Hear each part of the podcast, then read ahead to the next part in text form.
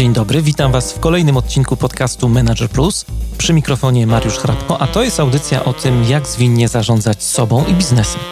Jeżeli chcecie, żeby coś zmieniło się w Waszym życiu i czujecie potrzebę ciągłego szlifowania swoich umiejętności, zapraszam do słuchania moich audycji. To jest podcast Manager Plus. Dzisiaj w audycji będziemy rozmawiali o intuicji, która w biznesie jest takim niemałym wyzwaniem, powiedziałbym, bo tak naprawdę nie wiadomo, co o tej intuicji sądzić. No, pomaga, czy przeszkadza, czy może prowadzi nas na jakieś manowce właśnie. Kiedy lepiej oprzeć się na jakichś twardych danych liczbowych, na jakichś faktach, a kiedy e, robić to, co no, jako liderzy czy menadżerowie uważamy za słuszne. O tym będziemy właśnie między innymi dzisiaj rozmawiać, a w moim wirtualnym studiu podcastowym moim i waszym gościem jest dzisiaj Matylda Gerber, naukowiec i muzyk, zajmuje się badaniem intuicji, popularyzuje ten temat e, w naszym kraju, ale też na świecie. E, w ubiegłym roku otrzymała nagrodę e, imieniem Garego Kleina za największy wpływ w rozwój teorii NDM. Nie wiem, co to znaczy, ale za chwilę pewnie się dowiemy. E, w każdym bądź razie jest to teoria, która e, zajmuje się badaniem roli intuicji w podejmowaniu decyzji. Matyldo, witam cię bardzo serdecznie. Dzień dobry. E, no właśnie, to jest taka ciekawa rzecz, bo tak jak dzwoniłem do ciebie pierwszy raz i pytałaś w ogóle skąd cię wyhaczyłem, mówiąc kolokwialnie, to powiedziałem, że dotarłem do ciebie przez muzykę, bo czytałem jakiś czas temu wywiad z tobą w magazynie Jazz Forum, no i tam oprócz tego, że przeczytałem o tym, co robisz muzycznie, że jesteś na przykład fanką Orneta Colemana, to dowiedziałem się też, że zajmujesz się profesjonalnie intuicją i tak oto jesteś. Tak. Co było pierwsze, muzyka czy, czy twoje, twoje zainteresowanie czy pasja naukowa? Myślę, że była pierwsza muzyka, chyba też ze względu na mój wiek, dlatego że zaczęłam grać mhm. na pianinie jak miałam 5 lat. Mhm. Po mnie to absolutnie fascynowało. A jeżeli chodzi o zainteresowanie naukowe, to myślę, że gdzieś koło 7 lat miałam taki pierwszą myśl, że chciałabym bardzo coś odkryć y, w świecie, co, y, co byłoby dla mnie fascynujące. I to była taka jedna myśl. Ja nigdy nie myślałam o tym, że zostanę y, naukowcem. To dopiero wyszło w trakcie studiów, kiedy profesor Ome, który prowadził zajęcia z, z emocji i motywacji, powiedział o tym, że intuicja to nie jest jakaś magia, że to można badać, jest jeszcze nieodkryte, ale jakby już są pierwsze jakby kroki y, y, w kierunku jakby odkrywania intuicji poczynione. No i to był taki impuls, można powiedzieć intuicyjny, który powiedział, że po prostu naprawdę chce się tym zająć, po prostu mhm. odkrywać, czym, czym jest intuicja. Ale mimo, że usłyszałaś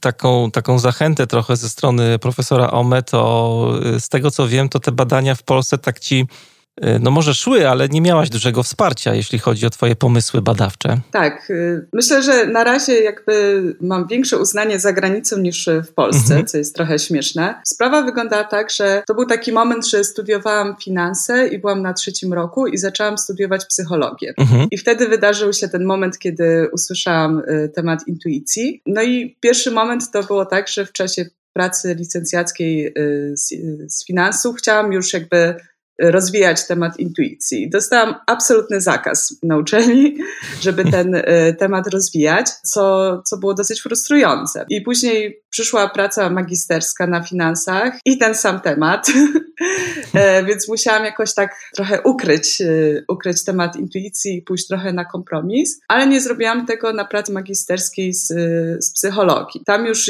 jakby na psychologii było trochę inne podejście i, i, i wszyscy byli zafascynowani tym, że mogę się intuicją zająć. Niemniej jednak, mimo tego, że myślałam, że moje badania są naprawdę ciekawe i odkrywcze, to, to nie wypadły jakoś różowo na, na obronie. Pamiętam, że się przyczepili do mnie, że e, moja metodologia badań była bardzo prosta. Mhm. I to było takie zdziwienie dla mnie, że stworzyłam nowe narzędzie, zupełnie nowe podejście do, do badania intuicji, a oni się przyczepili po prostu do metodologii, która była poprawna, tylko nie była skomplikowana, mhm. bo nie było takiej potrzeby. A Więc co wtedy tak chciałaś tak... sobie, postawiłaś sobie za temat jakby tego badania? Co badałaś w tej pracy? Badałam intuicję przedsiębiorców. Mhm. I chciałam sprawdzić, czy da się stworzyć jakieś narzędzie, które by e, badało potencjał intuicji u przedsiębiorców. I badałam przedsiębiorców, którzy osiągnęli sukces w dziedzinie swojej, to byli głównie informatycy i ludzie z y, obszarów finansowych. I, I teraz tak, bo są badania, które pokazują, czy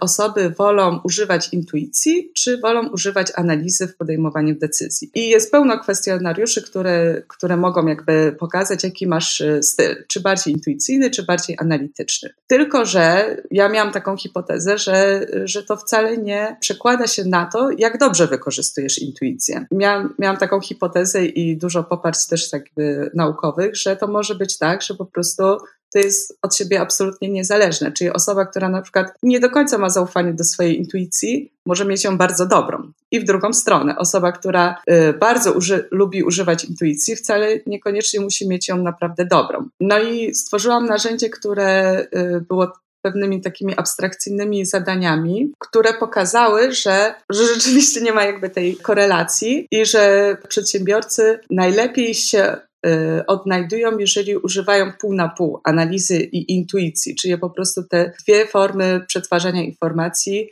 wykorzystują razem i to pozwala im jakby podejmować najbardziej skuteczne decyzje. A ten potencjał intuicji był zupełnie jakby taką inną ścieżką i rzeczywiście pokazał, że przedsiębiorcy, którzy mają największy jakby sukces wśród tej grupy y, badanych, mają ten potencjał też największy, czyli jakby jest jakiś, y, intuicja jest ważna w tym, żeby No ja, ja też y, tutaj, tutaj cię zaprosiłem do, do tej rozmowy. Nie ukrywam, że długo szukałem kogoś, kto by o intuicji poopowiadał, bo w podcaście ja sam jakby mówiłem o różnych swoich doświadczeniach i tą intuicję bardzo mocno gloryfikowałem, ale no prawda jest taka też, że jak się popatrzy, trochę, trochę do tego nawiązałaś, co mnie bardzo cieszy, że jak się popatrzy na proces podejmowania decyzji w biznesie, to w zasadzie do końca lat 70.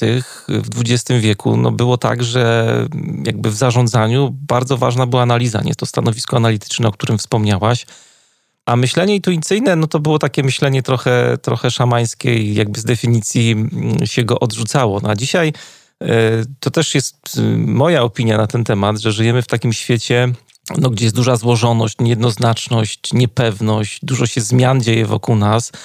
To wszystko powoduje, że liczba tych czynników, które no, otaczają organizację czy nasze projekty, no, jest tak duża, że no, trudno tę kuwetę y, ogarnąć. I, I, wydaje się właśnie, że proces decyzyjny jest y, trudniejszy niż kiedykolwiek, no, ze względu na to, że jest taka duża złożoność, jest dużo zmiennych. No, intuicja to jest rewelacyjne narzędzie do tego, żeby właśnie w pracy liderów, menedżerów nam to wszystko ułatwić. Myślę, że żeby wiedzieć, w jaki sposób posługiwać się dobrze intuicją, ważne jest też jakby zrozumieć, czym ona w ogóle jest. Bo... No chciałem cię o to zapytać, ale jakoś tak żeśmy zaczęli o badania, e, ale zawsze jest dobrze zrobić grunt, a myśmy już poszli na głęboką wodę. No ale zawsze jest dobry moment, żeby powiedzieć, czym jest intuicja w podcaście o intuicji, prawda?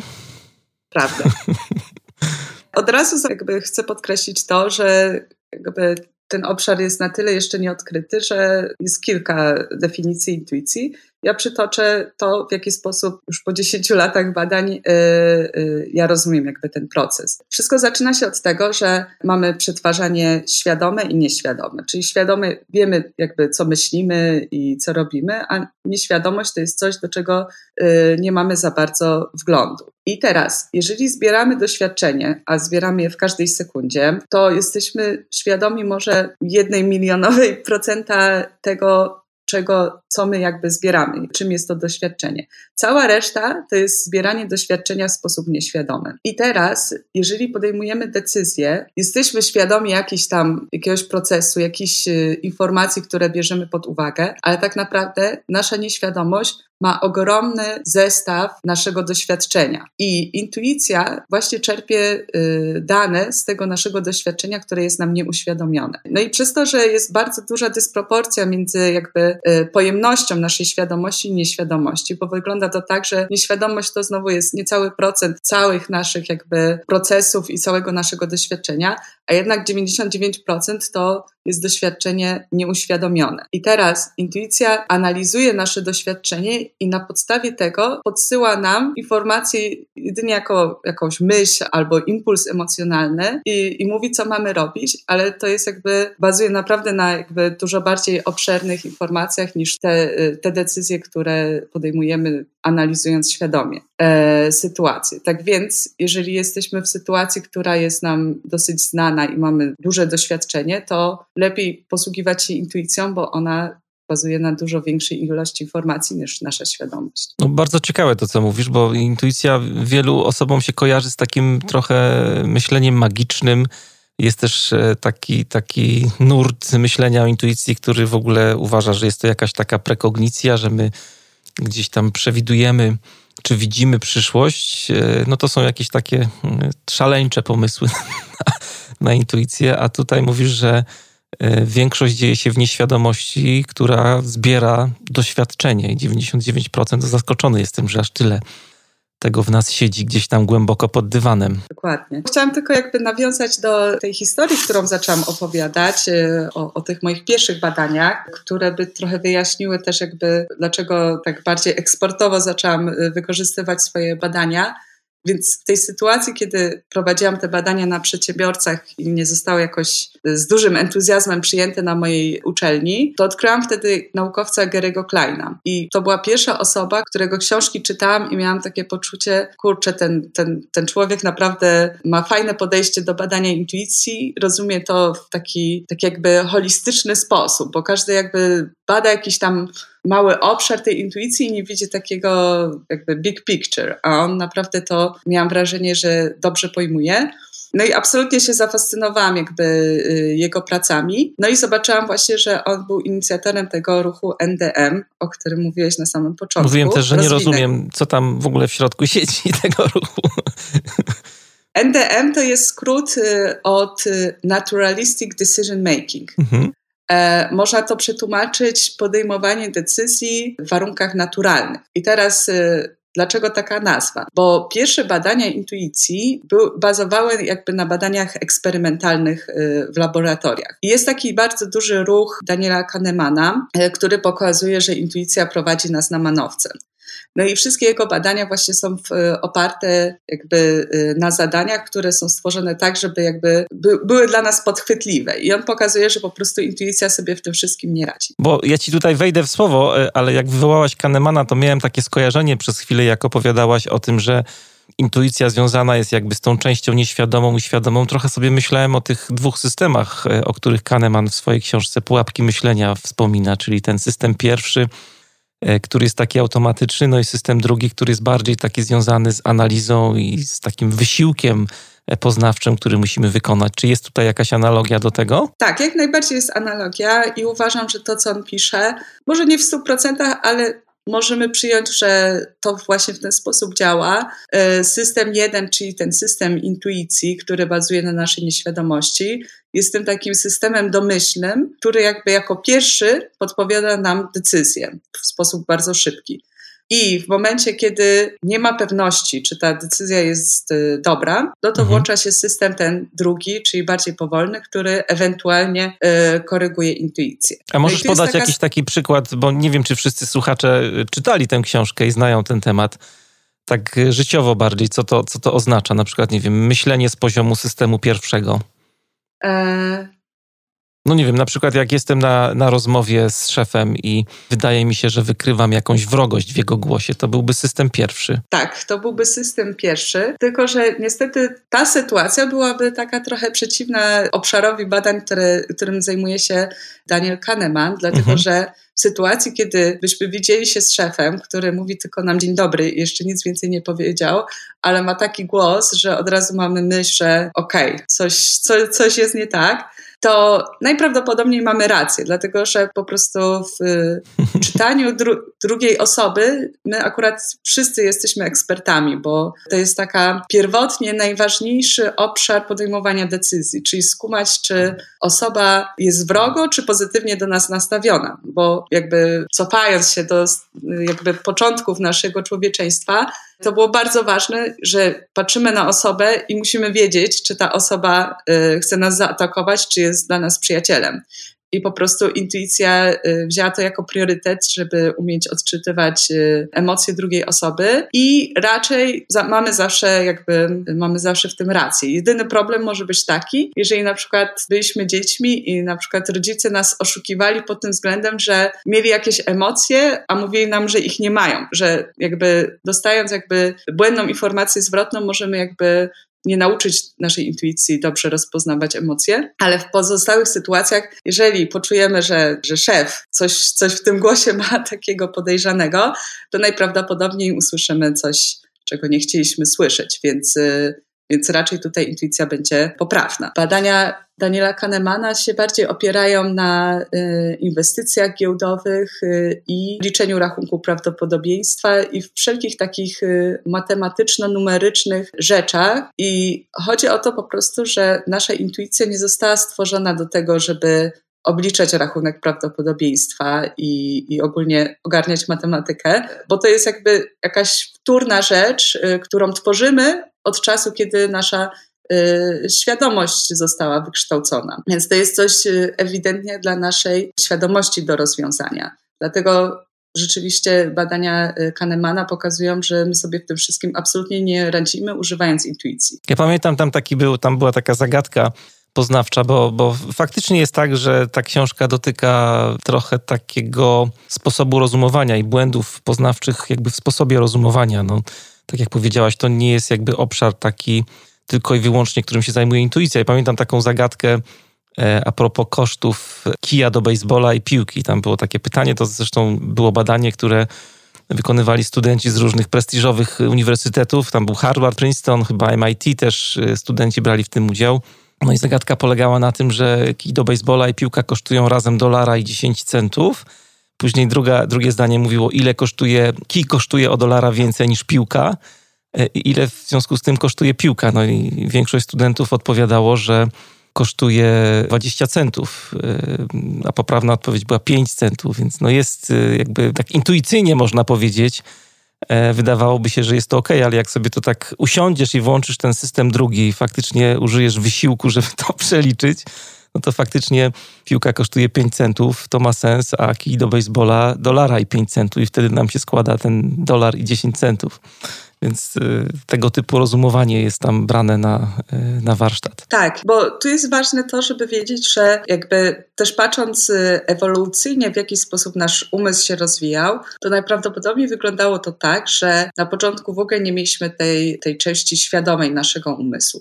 I wszystkie decyzje podejmowaliśmy intuicyjnie. Więc intuicja to był taki pierwotny system pozwalający nam podejmować decyzje i jedyny. I jak zaczęła się rozwijać świadomość, to ona ma jakby taką rolę wtórną. Najprawdopodobniej została stworzona po to, żeby te nasze decyzje były bardziej skuteczne, żeby je korygować. Ale do dziś zostało tak, że po prostu zawsze intuicja jest pierwsza ona z automatu daje nam odpowiedź, bo tak została też jakby wykształcona jako ten pierwotny proces podejmowania decyzji. Bo jest mniej wysiłkowa, tak jak ten system pierwszy właśnie? Tak, no i też jest tak, że po prostu nasza świadomość na tyle jest spowolniona i na tyle mało informacji może przetwarzać, że nie bylibyśmy w stanie e, funkcjonować, gdybyśmy mieli opierać więcej decyzji na poziomie świadomym. A intuicja jest jakby, można powiedzieć, ma nieograniczoną jakby możliwość w przetwarzaniu. Może jest ograniczona, ale na pewno jest y, dużo mniej ograniczona niż świadomość, więc ona cały czas podejmuje wszystkie decyzje i dopiero w sytuacji, kiedy trzeba skorygować tą decyzję, włączona jest świadomość. Więc po prostu nie mamy fizycznej możliwości, żeby świadomość y, wzięła większą kontrolę, przynajmniej przy takiej y, poziomie wykształcenia naszego umysłu. I chciałam tylko dodać to, że po prostu intuicja zawsze nam coś podpowiada i w sytuacjach, które są dla nas absolutnie nowe i nie mamy w tym żadnego doświadczenia, to po prostu może nas y, zesłać na manowce. I to jest ważne, żeby pamiętać o tym, gdzie używamy intuicji, bo jeżeli sytuacja jest dla nas, gdzie nie mamy doświadczenia, lepiej po prostu jakby przymusić się jeszcze do świadomej analizy. No ja byłem też ciekawy, jak przeglądałem Twoje publikacje, czy też no są jakieś, to już powiedziałaś o jednym, jednej perspektywie, którą tutaj można zastosować, ale druga jest taka, czy są jakieś rodzaje decyzji, przy których lepiej jest się oprzeć na intuicji, a być może są jakieś inne, gdzie analiza jest lepsza, bo nie mamy jakoś tam dużo doświadczenia danym obszarze. To jeszcze trochę cofnę się jakby do tego, co mówiłam o tym, e, o tych badaniach Kahnemana i o e, nurcie NTM. Wszystko zaczęło się od tego, że intuicja zaczęła być badana w laboratoriach i y, naukowcy doszli do wniosku, że po prostu intuicja prowadzi nas na manowce. I tak naprawdę Gary Klein razem z Gerardem Gigerenzerem, który również w Niemczech ma taki duży nurt prowadzenia badań nad intuicją, zobaczyli, że jeżeli zaczniemy obserwować ludzi w ich naturalnych jakby warunkach, to ta rola intuicji się mocno zmienia. Właśnie doszli do wniosku, że po prostu, jeżeli dostajemy jakby sztucznie wygenerowane zadania matematyczne, to intuicja sobie nie radzi, ale w sytuacjach, gdzie idziemy do swojej pracy i jesteśmy tam już 10-15 lat albo nawet 5 lat, to intuicja zaczyna naprawdę być bardzo pomocna w podejmowaniu decyzji. A to, jest, ruch, e, to jest Matylda, tak? tak, ja, mnie po prostu spala ciekawość, dlatego ci tutaj wchodzę w słowo, bo każda, mhm. każda rzecz już pewnie będzie trudno wrócić za chwilę, ale to, o czym powiedziałaś, ta naturalna sytuacja, myślę, że warto gdzieś to grubym markerem podpisać, co, co, to, co to dla nas jest. I to, że większość badań było, tak jak powiedziałaś, prowadzonych w warunkach sztucznych, to ja od razu sobie pomyślałem o takiej bardzo konkretnej sytuacji biznesowej, z którą wielu liderów, myślę, naszych słuchaczy ma do czynienia na co dzień. Ja też jak pracowałem przez jakiś czas jako, jako szef, miałem taką obserwację, że w trakcie procesu rekrutacji, bo chciałem tutaj o ten kontekst zahaczyć, o tą sytuację, która no z jednej strony wydaje się, że jest bardzo naturalna, nie? Dla y, rekrutera, no bo to jest jakby część naszej pracy, żeby zrekrutować kandydata na jakieś stanowisko w firmie. Ale z drugiej strony, ja miałem taką obserwację i też jak e, pytałem niektórych e, kolegów czy koleżanki, którzy brali udział w rekrutacjach, że jednak jeśli chodzi o wykorzystywanie intuicji w tym procesie, co wydawałoby się, że to jest, są idealne warunki do tego, żeby intuicji używać, e, średnio się sprawdza. Czyli my jako rekruterzy byliśmy słabymi takimi prognostykami odnośnie tego, czy ten kandydat faktycznie się sprawdził później, czy się nie sprawdził w, w danej pracy. I ja się złapałem na tym, że jak na przykład zrekrutowałem osobę, która no wydawała mi się, że no ma super predyspozycje i warunki do tego, żeby pracować w określonej roli. Akurat rekrutowałem na przykład na stanowisko Scrum Mastera, no to później się okazywało, że jak ta osoba już pracowała właśnie w naturalnych warunkach, a nie na tej, nie była na tej randce ze mną, w cudzysłowie oczywiście, no bo ta rekrutacja to jest trochę taka randka, nie? że my się, my, my w tej konkretnej sytuacji się bardzo staramy jakoś na tej rozmowie wypaść, rekruter ma jakąś intuicję, która go najczęściej później zawodzi w, w pracy. I zauważyłem, że jak na przykład wybierałem osoby, które, w których coś mi nie grało, nie? że czułem gdzieś tam w trzewiach, że coś jest nie tak, że mam jakieś złe przeczucia, czy ta osoba faktycznie da radę, to później okazało się, że to byli świetni Scrum Masterzy. W drugą stronę to, to nie, da, nie działało. I tak sobie pomyślałem o tym, dlatego, e, dlatego pozwoliłem sobie na tą tutaj dygresję połączoną z tym, co mówiłaś, że właśnie, no wcześniej intuicja była badana w warunkach takich laboratoryjnych, sztucznych. I ta sytuacja czasami nam się może wydawać, że jest naturalna, ona będzie sztuczna, i to będzie wtedy miało przełożenie na to, czy ta intuicja nas poprowadzi w dobrą stronę, czy nie. Więc y, ja myślę, że to mogło wyglądać w ten sposób, że y, z tego co rozumiem, ty jakby nie zajmujesz się na co dzień rekrutacją, że to jest po prostu jakaś część obowiązków, którymi się zajmujesz. Dobrze rozumiem? Zajmowałem się, bo teraz, teraz już tego nie robię. Znaczy nie pracuję już na etacie, ale mam sporo znajomych y, liderów, którzy to robią. Jakby to jest część pracy takiej osoby. To nie jest osoba, która pracuje normalnie w dziale HR, bo tam to jakby, tak jak mówisz, pewnie to jest rzecz, która wynika też z doświadczenia tych osób, ale tutaj częścią pracy mm, lidera czy szefa jest rekrutowanie też. Więc tak, sytuacja wygląda tak, że e, żeby dobrze używać intuicji e, w rekrutacji, co jest możliwe i zaraz o tym opowiem, trzeba mieć bardzo duże doświadczenie. I teraz w sytuacji na przykład, jeżeli jest osoba, która załóżmy y, prowadzi firmę i od czasu do czasu rekrutuje ludzi, to nie jest jakby y, tej osoby y, obszar jakby tej eksperckości. To prawda, to ja nie robiłem tego na co dzień. To było od czasu do czasu, potrzebowaliśmy właśnie zrekrutować jakąś rolę, to I teraz, chodziłem w buty rekrutera. Mhm. I teraz może być tak, to też jest jakby bardzo takie skomplikowana rzecz y, odróżnienia jakby intuicji wywodzącej się z doświadczenia od takiego intuicyjnej analizy osoby. Bo bardzo często może się stworzyć taka sytuacja, że przychodzi osoba, która wydaje się bardzo profesjonalna i na przykład budzi naszą sympatię, że jakby intuicja wyczuwa, że ta osoba po prostu nam nie, zag nie zagraża w żaden sposób. I może mieć jakby też jakąś cechę do nas podobną i my na przykład od razu czujemy się dobrze z tą osobą. I to jakby pozytywne odczucie wobec tej osoby może nam zaburzyć ocenę w ogóle na przykład profesjonalności tej osoby i możemy być ślepi na jakieś informacje, które by pokazywały na to, że ta osoba może nie jest do końca kompetentna. To samo może się wydarzyć w sytuacji, kiedy po prostu zobaczymy coś w osobie, co na przykład budzi naszą jakby antypatię, i wtedy może spowodować, że przestajemy jakby dostrzegać te pozytywne elementy osoby. I teraz ważna jest rzecz taka, że prowadziłam badania na bardzo doświadczonych y, headhunterach, którzy mają tam kilkanaście lat y, doświadczenia i mają bardzo wysoką skuteczność w dobieraniu jakby osoby na wysokie szczebla stanowisk. I jakby sprawdzałam też jakby na czym polega to, że oni, oni potrafią tą intuicję dobrze wykorzystać. I sytuacja jest taka, że zajmując się tym profesjonalnie i stając się jakby ekspertem poprzez kilkunastoletnie jakby prowadzenie działań w tym kierunku, powoduje, że ta osoba potrafi z automatu odkleić emocje w stosunku do tej osoby do oceny jakby profesjonalizmu. I y, badania prowadziłam w ten sposób, że jakby byłam na tych spotkaniach rekrutacyjnych, obserwowałam, co się dzieje i prowadziłam również wywiady z tymi osobami.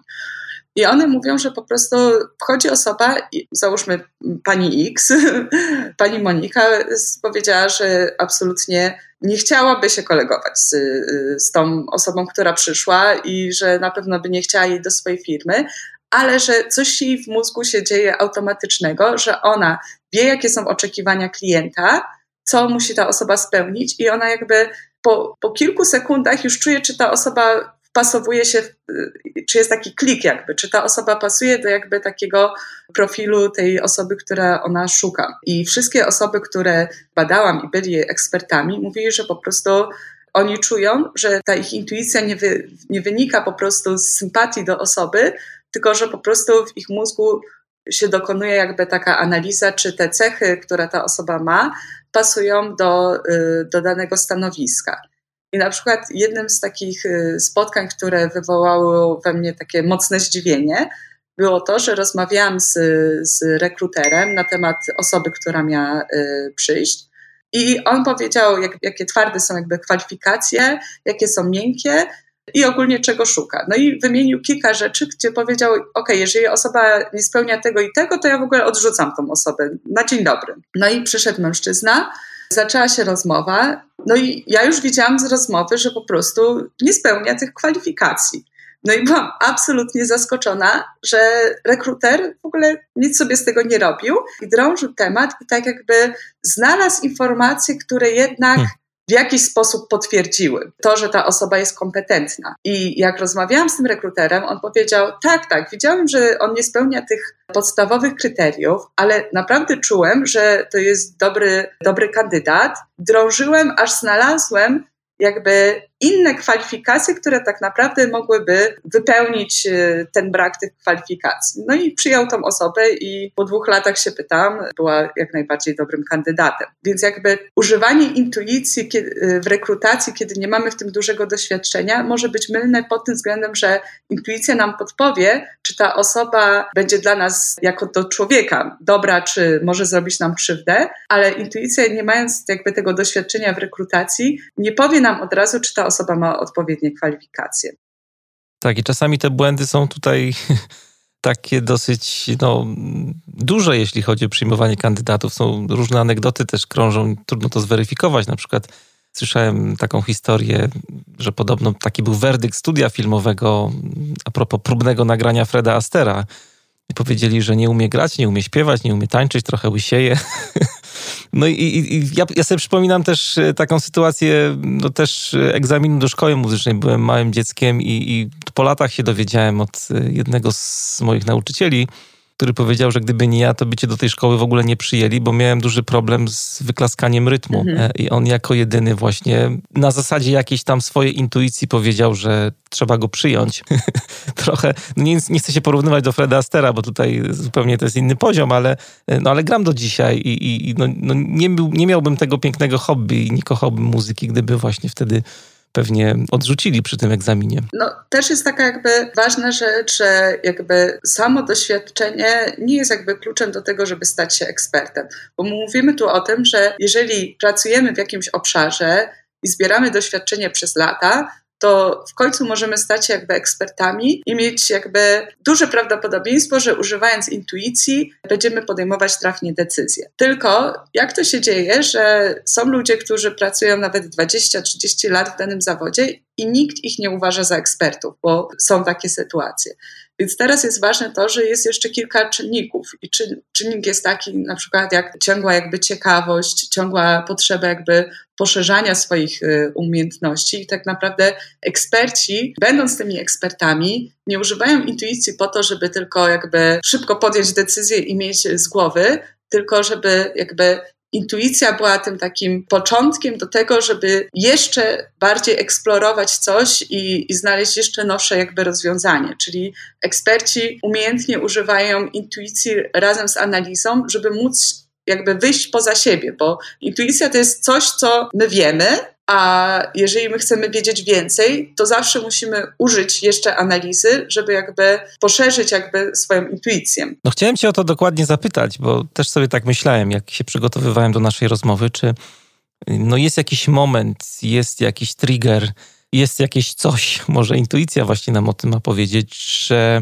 ta intuicja potrzebuje świadomości, czyli przełączenia się na ten system drugi w naszym myśleniu. Jakby są różne podejścia. Na przykład Gary Klein, ten, który zainicjował ten, ten ruch Naturalistic Decision Making, który zaczął badania najpierw na zlecenie armii amerykańskiej, badał jakby jak dowódcy podejmują decyzje, w jaki sposób lotnicy wojskowi y, radzą sobie jakby w trudnych sytuacjach i w jaki sposób strażacy podejmują decyzje jakby w pół sekundy, jakby w jaki sposób gasić y, duże pożary. Zobaczył, że osoby właśnie o dużym doświadczeniu podejmują decyzje w ten sposób, że intuicja im podpowiada, co oni mają zrobić w danym momencie. Czyli nie dostają jakby pełnego wachlarza różnych opcji, tylko jakby do ich świadomości z intuicji wpada jeden konkretny pomysł do głowy. I jeżeli oni rozpoznają, że ten pomysł jakby jest że ta sytuacja jest im dobrze znana i oni po prostu y, akceptują, że to jest dobre rozwiązanie, to od razu jakby y, je wykonują. Ale w sytuacji, kiedy widzą, że sytuacja nie jest jakby im tak dobrze znana, to robią tak zwaną mentalną symulację, czyli jakby wyobrażają sobie, że jeżeli wprowadzą to działanie, to jaki będzie tego efekt. Jeżeli wychodzi, że efekt będzie dobry, to po prostu to procedują. A jeżeli się okazuje, że, że coś trzeba zmieniać, no to świadomie to zmieniają i wprowadzają jakby zmodyfikowaną tą opcję. No i jego badania pokazały, że właśnie osoby o dużym doświadczeniu w sytuacjach, kiedy trzeba szybko podejmować decyzje, około 80% właśnie w ten sposób podejmują decyzje. Czyli po prostu, jeżeli robimy sobie tą mentalną symulację y, tego intuicyjnego pomysłu i to wszystko wygląda na to, że siedzi, no to możemy po prostu to jakby wprowadzić. Ja mam jeszcze takie rozwinięcie w swoich badaniach, które trochę tłumaczy, w jakich sytuacjach powinniśmy zawierzyć swojej intuicji, a kiedy lepiej użyć y, y, świadomości i mogę też trochę o tym opowiedzieć. To za chwilę do tego przejdziemy, bo jeszcze chciałem Cię y, zahaczyć trochę o tę wojskowość, bo też mam takie skojarzenie, jak o tym opowiadałaś, e, bo wśród liderów czy, czy menedżerów taką postacią, do której się czasami nawiązuje i pokazuje go jako przykład taki, takiego świetnego dowódcy był generał George Patton. E, ja y, trafiłem kiedyś na książkę The Patton Mind. To jest książka taka trochę o tym, jaki on faktycznie był bo jego się uważa za takiego urodzonego geniusza militarnego i faktycznie jest tam w tej książce dużo na temat tego, o czym teraz powiedziałaś, czyli tego, że wcale nie było tak, że on tym geniuszem się urodził i potrafił tak intuicyjnie, e, militarnie się super zachowywać i podejmować decyzje takie bojowe, bo on jeszcze jak y, był kadetem w West Point, to, to prawie co wieczór siedział i, i studiował różne takie najważniejsze kampanie wojskowe.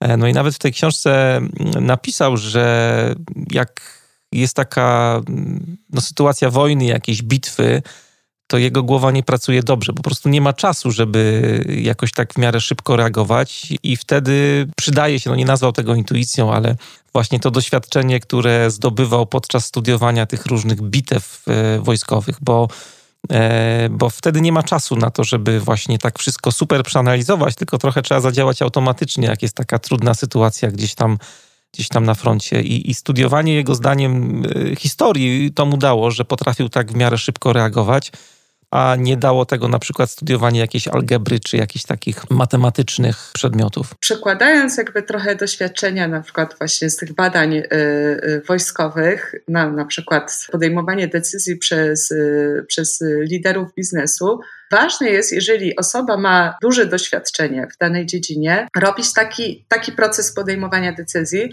żeby pozwolić intuicji wygenerować ten pierwszy pomysł i później go dobrze jakby przeanalizować. I jakby badania pokazują, że takie podejście jest dużo bardziej skuteczne niż jeżeli najpierw się zajmiemy jakby generowaniem różnych opcji i analizą każdej, że po prostu y, intuicja tak jak mówiłam wcześniej, ma y, dostęp do dużo większej ilości informacji i naszego doświadczenia niż nasza świadomość, więc to, co ona wygeneruje, będzie jakby miało dużo takie bardziej solidną bazę.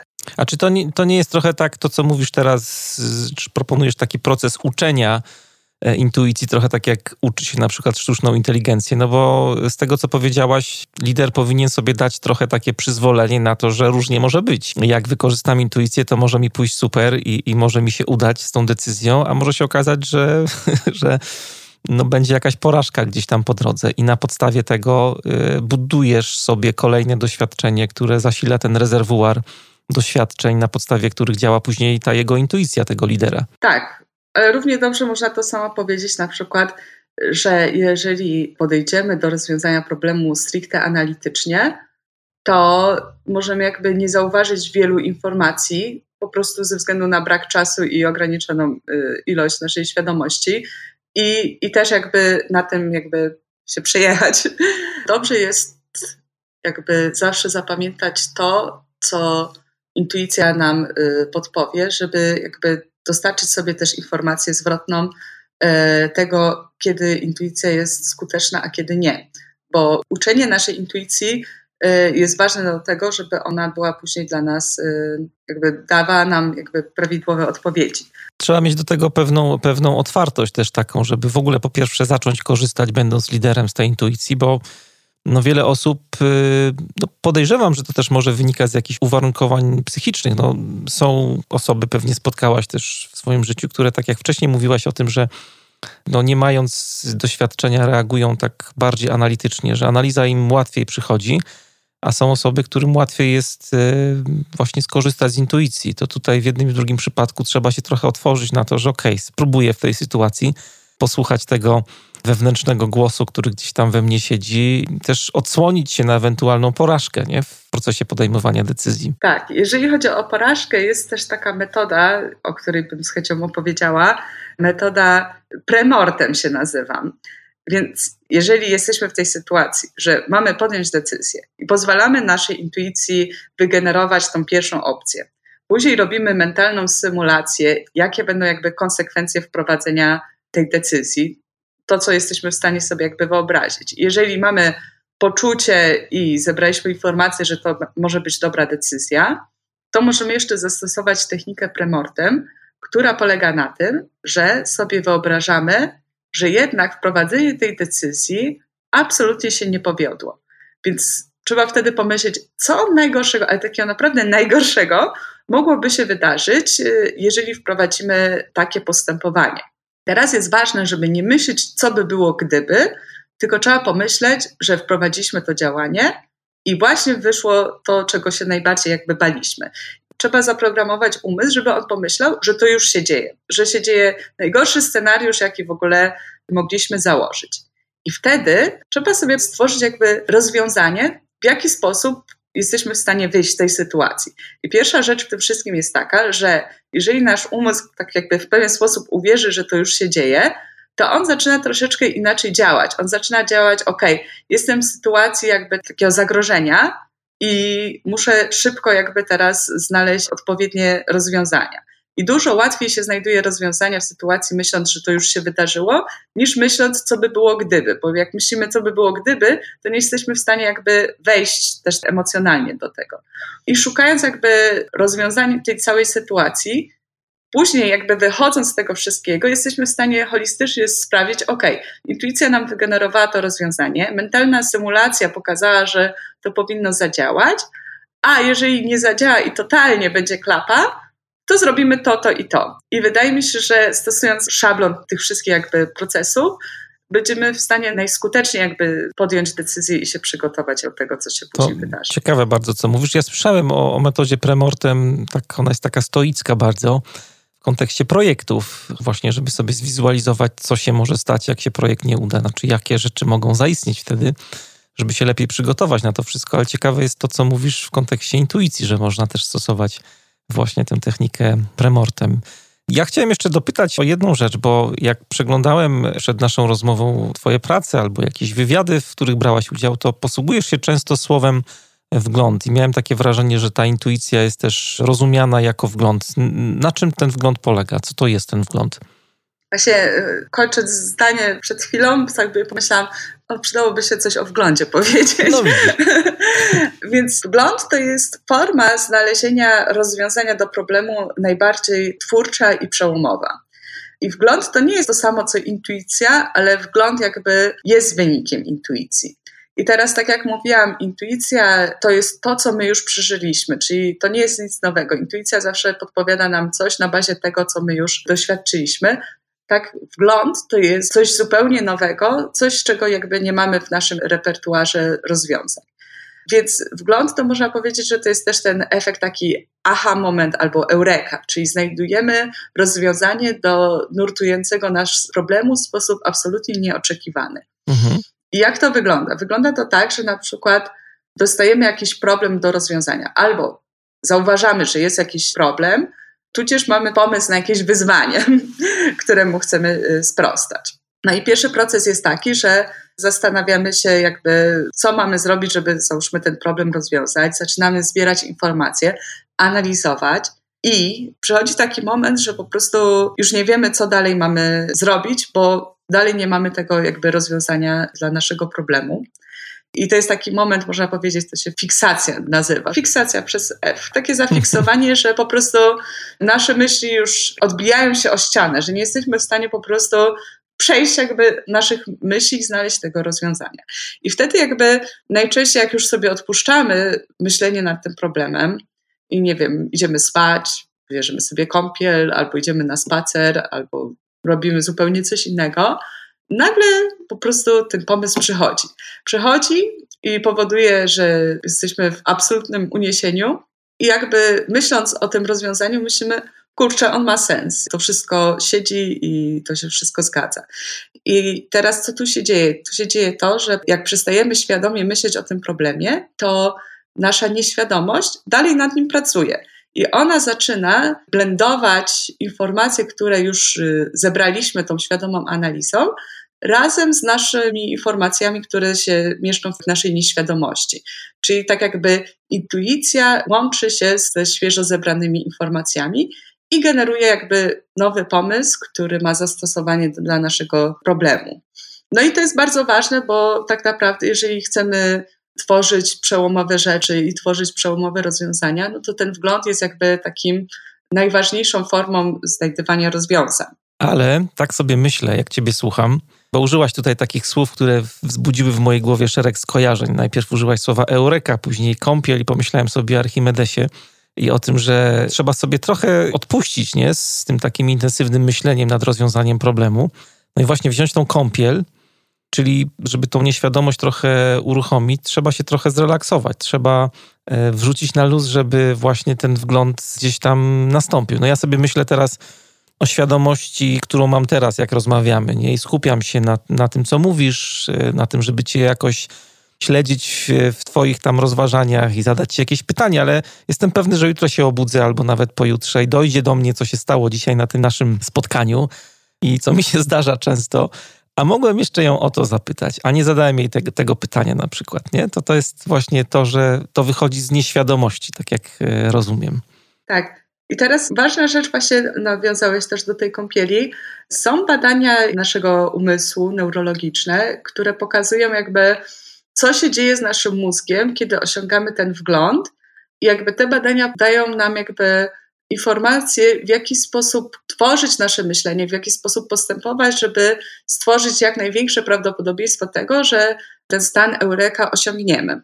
I teraz jakby jeżeli jesteśmy w stanie smutku, tudzież stresu, a stres to jednak jest najczęstszy czy stan, jaki mamy, kiedy y, znajdujemy się w problematycznej sytuacji, bo tak, chcemy osiągnąć wgląd i rozwiązać problem w sposób taki zjawiskowy i najbardziej trafny, a z drugiej strony stresujemy się, że jest problem, który musimy rozwiązać. I jeżeli mamy jeszcze naciski z innych stron i bardzo duże konsekwencje nieznalezienia rozwiązania, no to się nakręcamy jakby w tym stresie.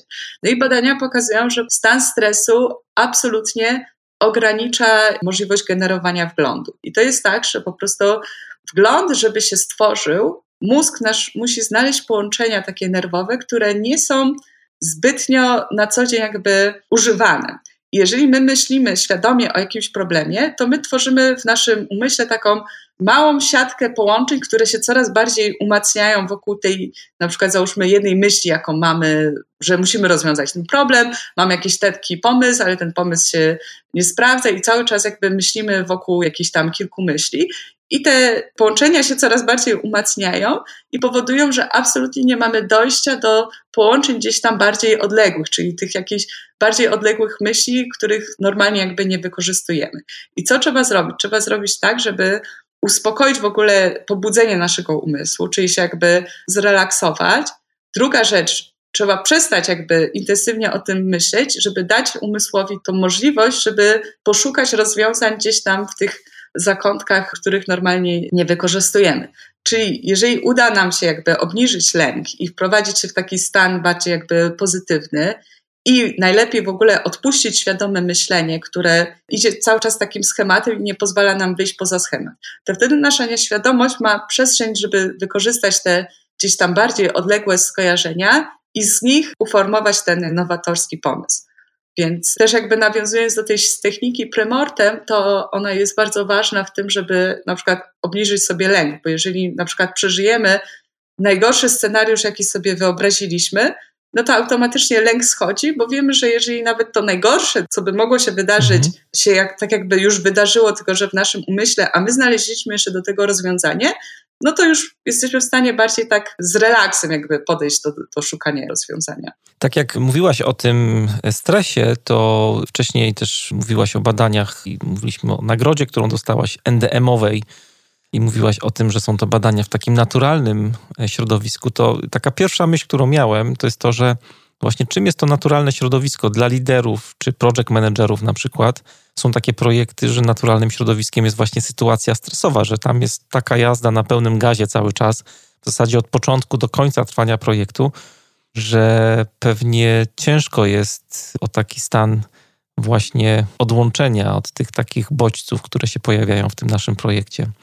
Mhm. No, teraz jest taka też sytuacja, że jakby w stanie stresu intuicja działa nam bardzo dobrze, więc tu nie ma problemu, jeżeli na przykład mamy doświadczenie w naszej dziedzinie i jesteśmy pod presją czasu, konsekwencji i tym podobnych rzeczy, to intuicja nam jak najbardziej trafnie podpowie odpowiednie działanie dla danej sytuacji. Więc y, tutaj nie ma obaw obawy się zaczynają, kiedy sytuacja jest na tyle nowa, że ta intuicja nie wystarczy, że trzeba jakby wyjść poza swoje doświadczenie i wykreować nowe rozwiązanie właśnie poprzez wgląd. Ale co nie zmienia faktu, że relaks tutaj służy temu całemu procesowi. To, że właśnie liderzy będą odpoczywać, że będą weekendy jakieś wolne od pracy i od maili na przykład, które gdzieś tam w smartfonie nam wyskakują to wszystko nam sprzyja, że ten proces wykorzystywania intuicji w codziennym zawodowym życiu lepiej działa po prostu. Oczywiście, po prostu trzeba zadbać o siebie i tak naprawdę myślę, że wiele osób by zobaczyło, że jak sobie odpuści, że będzie trochę z większą taką uważnością i spokojem podchodziła do rozwiązywania problemów, to one po prostu nagle zaczną się lepiej rozwiązywać, bo rzeczywiście ten umysł będzie miał tą przestrzeń do kreowania tych takich nowatorskich rozwiązań. A jak będziemy w stresie i w pośpiechu, to po prostu absolutnie nie mamy do tego dostępu, więc tak naprawdę sobie zabieramy dostęp do jakiegoś niesamowicie pomocnego narzędzia. Mam jeszcze jedno takie pytanie, które tak sobie pomyślałem, no nie chciałbym się jutro obudzić i powiedzieć sobie z tej nieświadomości, że go nie zadałem dzisiaj. Ty masz taki bardzo ciekawy epizod w projekcie, którym e, brałaś jakiś czas temu udział. Takie zaproszenie dostałaś od profesora Williama Wonga z Londynu do projektu, który prowadził i tworzył system, który wspierał proces podejmowania decyzji przez analityków z Wydziału Kryminalnego Policji. Co robiłaś w tym projekcie i, i czego się tam nauczyłaś? Może też jeszcze powiem, w jaki sposób to wszystko się zaczęło, ta współpraca. Bo profesor Wong też jest jakby w tym nurcie naturalistic decision making i wszystko zaczęło się od tego, jak opowiadałam o tej mojej pracy y, na przedsiębiorcach, stwierdziłam, że się nie będę przejmować krytyką mojej uczelni i napiszę artykuł jakby z tych wyników badań i wysłałam na konferencję właśnie tego nurtu Naturalistic Decision Making. No i dostałam zaproszenie, do tego dostałam stypendium i jeszcze nagrody za najbardziej takie nowatorskie badania jakby młodego naukowca. No i pojechałam do Stanów, jeszcze dostałam... Nie przeszkadzała im e, metodologia badawcza, jak rozumiem. Nie, byli absolutnie zafascynowani. I byłam naprawdę pod wrażeniem tego, że oni idą w teren i patrzą, jak ludzie rzeczywiście podejmują decyzje, i na bazie tego tworzą jakby rozwiązania i rozbudowują teorie. I na przykład mi się bardzo podoba takie podejście do nauki z wykorzystaniem tego w praktyce. I zawsze jak podchodzę do jakiegoś zagadnienia, to sobie myślę też, w jaki sposób będzie można to praktycznie wykorzystać. Więc jak się napatrzyłam tych wszystkich badań, więc było bardzo dużo osób, które pokazywało właśnie y, wyniki badań dla wojska, wyniki badań w szpitalach, przychodniach, y, w elektrowniach jądrowych, w wszystkich miejscach, gdzie po prostu złe podjęcie decyzji kosztuje naprawdę bardzo dużo. No i doszłam do tego, że po prostu ja bym chciała w tym nurcie prowadzić badania, ale żeby to zrobić, chciałabym się nauczyć ich metod y, prowadzenia badań, bo obserwacja obserwacją, ale trzeba wiedzieć, w jaki sposób ją dokonywać i w jaki sposób prowadzić wywiady, żeby móc wyciągnąć to, kiedy zadziałały procesy świadome, a kiedy nieświadome w procesie podejmowania decyzji. I ich metody właśnie takie możliwości dają. No i po tej konferencji zaczęłam poszukiwać ośrodka badawczego, który by mnie wziął do projektu, ale wszyscy w Stanach mi dawali znać, że po prostu to są stricte tajne rządowe projekty. Hmm i że po prostu nie będąc Amerykanką, absolutnie nie mam wstępu. Więc to było trochę deprymujące, ale gdzieś tam to moje zapytanie wirowało i właśnie zostałam polecana profesorowi Wongowi, mm, który też miał problem, bo to był dla policji projekt. No tak. Więc trzeba było trochę pozwoleń dla mnie załatwić, ale po prostu był w potrzebie. Był w potrzebie, ponieważ tworzył system komputerowy, który będzie pomagał analitykom z Wydziału Kryminalnego Policji lepiej rozwiązywać sprawy kryminalne. No i ten projekt był duży, bo to był na całą Europę, tam było ponad 90 naukowców y, jakby zaangażowanych. Naukowcy z praktykami, czyli naukowcy badali, praktycy jakby wprowadzali to y, do tego systemu. I on już miał jakby większość systemu stworzoną, ale po prostu powiedział, że chciałby też jakby wesprzeć proces podejmowania decyzji przez tych najbardziej doświadczonych analityków, którzy dostają takie sprawy, których absolutnie nikt inny nie potrafi rozwiązać i że po prostu oni nie mają żadnych twardych faktów, a w jaki sposób znajdują to rozwiązanie. I on powiedział, wydaje mi się, że tam jest intuicja, ale nie wiem jak to działa i, i żebym przyjechała zbadać i żebyśmy opracowali jakieś y, rozwiązanie. No i jak zaczęłam jakby badać tych analityków, no to zobaczyłam właśnie, że ich proces wygląda tak, że może dam jakiś taki bardziej konkretny przykład. Załóżmy, był analityk, który dostał informację, że mogło dojść do morderstwa. I on, patrząc na połączenia telefoniczne, których miał jakby kilkadziesiąt od różnych osób, które mogły być powiązane z daną sytuacją, on od razu wiedział, że trzeba się skupić na informacji, że ktoś wyłącza cyklicznie telefon. I to nie było tak, że on jakby analizował każde połączenie telefoniczne. On po prostu spojrzał i od razu wiedział, że to jest informacja, na którą trzeba się skupić. I co tu się zadziało? Przez to, że on od kilkunastu lat zajmuje się analizowaniem połączeń telefonicznych pod kątem jakby przestępstw, już zna różne takie jakby szablony, co schematy, prowadzi tak. do czego. Takie schematy. I przez to, że to się wydarzyło w ułamku sekundy, kiedy on wiedział, gdzie jest trop, to można założyć, że po prostu to był proces jakby intuicyjny, czyli on spojrzał na informacje, a cała ta analiza dokonała się, ale dokonała się w jego nieświadomości, czyli było jakby sprawdzenie, widzę ten wzorzec, czy ten wzorzec jakby pasuje do czegoś, co już kiedyś doświadczyłem, znalazłem ten wzorzec, ok, na czym trzeba się skupić? Trzeba się skupić na tym, że wyłącza telefon. I później jakby ten cały proces zbierania informacji był motywowany przez intuicję, która tak jakby informowała ciepło-zimno. Ok, idziemy w tym kierunku, teraz y, zbadam te informacje i jakby dostawał impuls taki, ok, idziesz w dobrym kierunku, czyli intuicja już miała jakiś taki zarys, w jakim kierunku trzeba iść, ale nie miała jeszcze wystarczająco dużo informacji, żeby dać mu odpowiedź, bo też jakby nie miała takiego pełnego wzorca, dlatego że, że to był jakiś nowy case. I on zbierając te informacje, w pewnym momencie miał właśnie ten stan wglądu, że po prostu, aha, okej, okay, ta osoba mogła być mordercą, bo to, to, to i to. I to było tak, że po prostu ta odpowiedź przychodziła nagle, ale jak już przychodziła odpowiedź do jego głowy, to on był w stanie jakby te wszystkie informacje, które wcześniej zebrał, złożyć w całość. No i te badania mi pozwoliły jakby taki odkryć proces rozwiązywania problemu, który jest inicjowany przez intuicję, stymulowany też przez intuicję, ale jednak jest tam bardzo obszerny proces jakby analizy informacji i to wszystko prowadzi jakby do wglądu. I oni dostają ten wgląd dzięki temu, że po prostu wypełniają luki informacyjne, tym swoim nieuświadomionym doświadczeniem, czyli intuicją. Mhm. I wyniki tych badań pozwoliły stworzyć narzędzia pomocne do tego, żeby ci analitycy mogli sprawniej rozwiązywać te trudne sprawy kryminalne, a także te osoby, które miały jakby mniejsze doświadczenie, żeby mogły dostać trochę takiej pomocy, żeby ten proces wyglądał trochę jak ten proces ekspertów. Wiem, że piszesz książkę też na temat intuicji. To będzie pierwsza publikacja po polsku na ten temat? Może nie publikacja, ale pierwsza książka. Pierwsza książka. O czym będzie? Nazwy jeszcze nie wymyśliłam, ale będzie o intuicji. Mhm. Ale bardziej taka badawcza będzie książka, czy chcesz spopularyzować trochę ten temat, tak jak dzisiaj rozmawiamy sobie o intuicji w biznesie na przykład? To będzie książka popularna naukowa. Wyszło to z tego, że zostałam poproszona w zeszłym roku, żeby napisać y, artykuł o intuicji dla magazynu Sens, który też jest jakby pod wydawnictwem Zwierciadła. I redaktorka ze Zwierciadła do mnie napisała, czy bym chciała napisać książkę. I tak stwierdziłam, że już myślałam o tym wcześniej, ale jakoś tak nie było tego bodźca, który by mnie zmotywował do takiego działania jestem w połowie, więc już mogę coś, coś nakreślić, co tam się dzieje.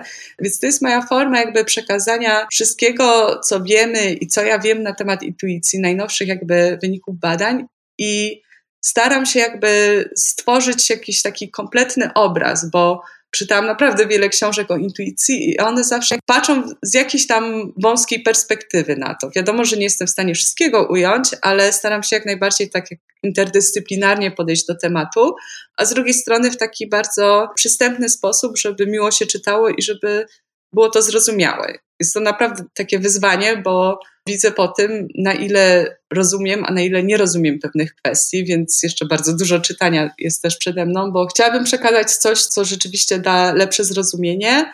I staram się też dać jakieś wskazówki, w jaki sposób y, postępować, żeby tą intuicję jak najskuteczniej wykorzystywać. No ja z polskich książek to znam intuicja, jej siła i słabość Majersa, ale no jest tak naszpikowana różnymi badaniami, że jest czasami ciężko strawialna.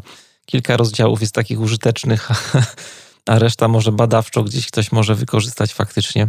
To bardzo czekamy i już kieruję zaproszenie do autorki. Jak będzie książka, to chętnie porozmawiam o tym, co jest w środku, bo czuję duży niedosyt. Czas pędzi niesamowicie, a wciągnęłaś mnie e, w rozmowę bardzo głęboko na temat intuicji. Myślę, że wielu liderów, menedżerów, którzy nas słuchają, skorzystają z tego.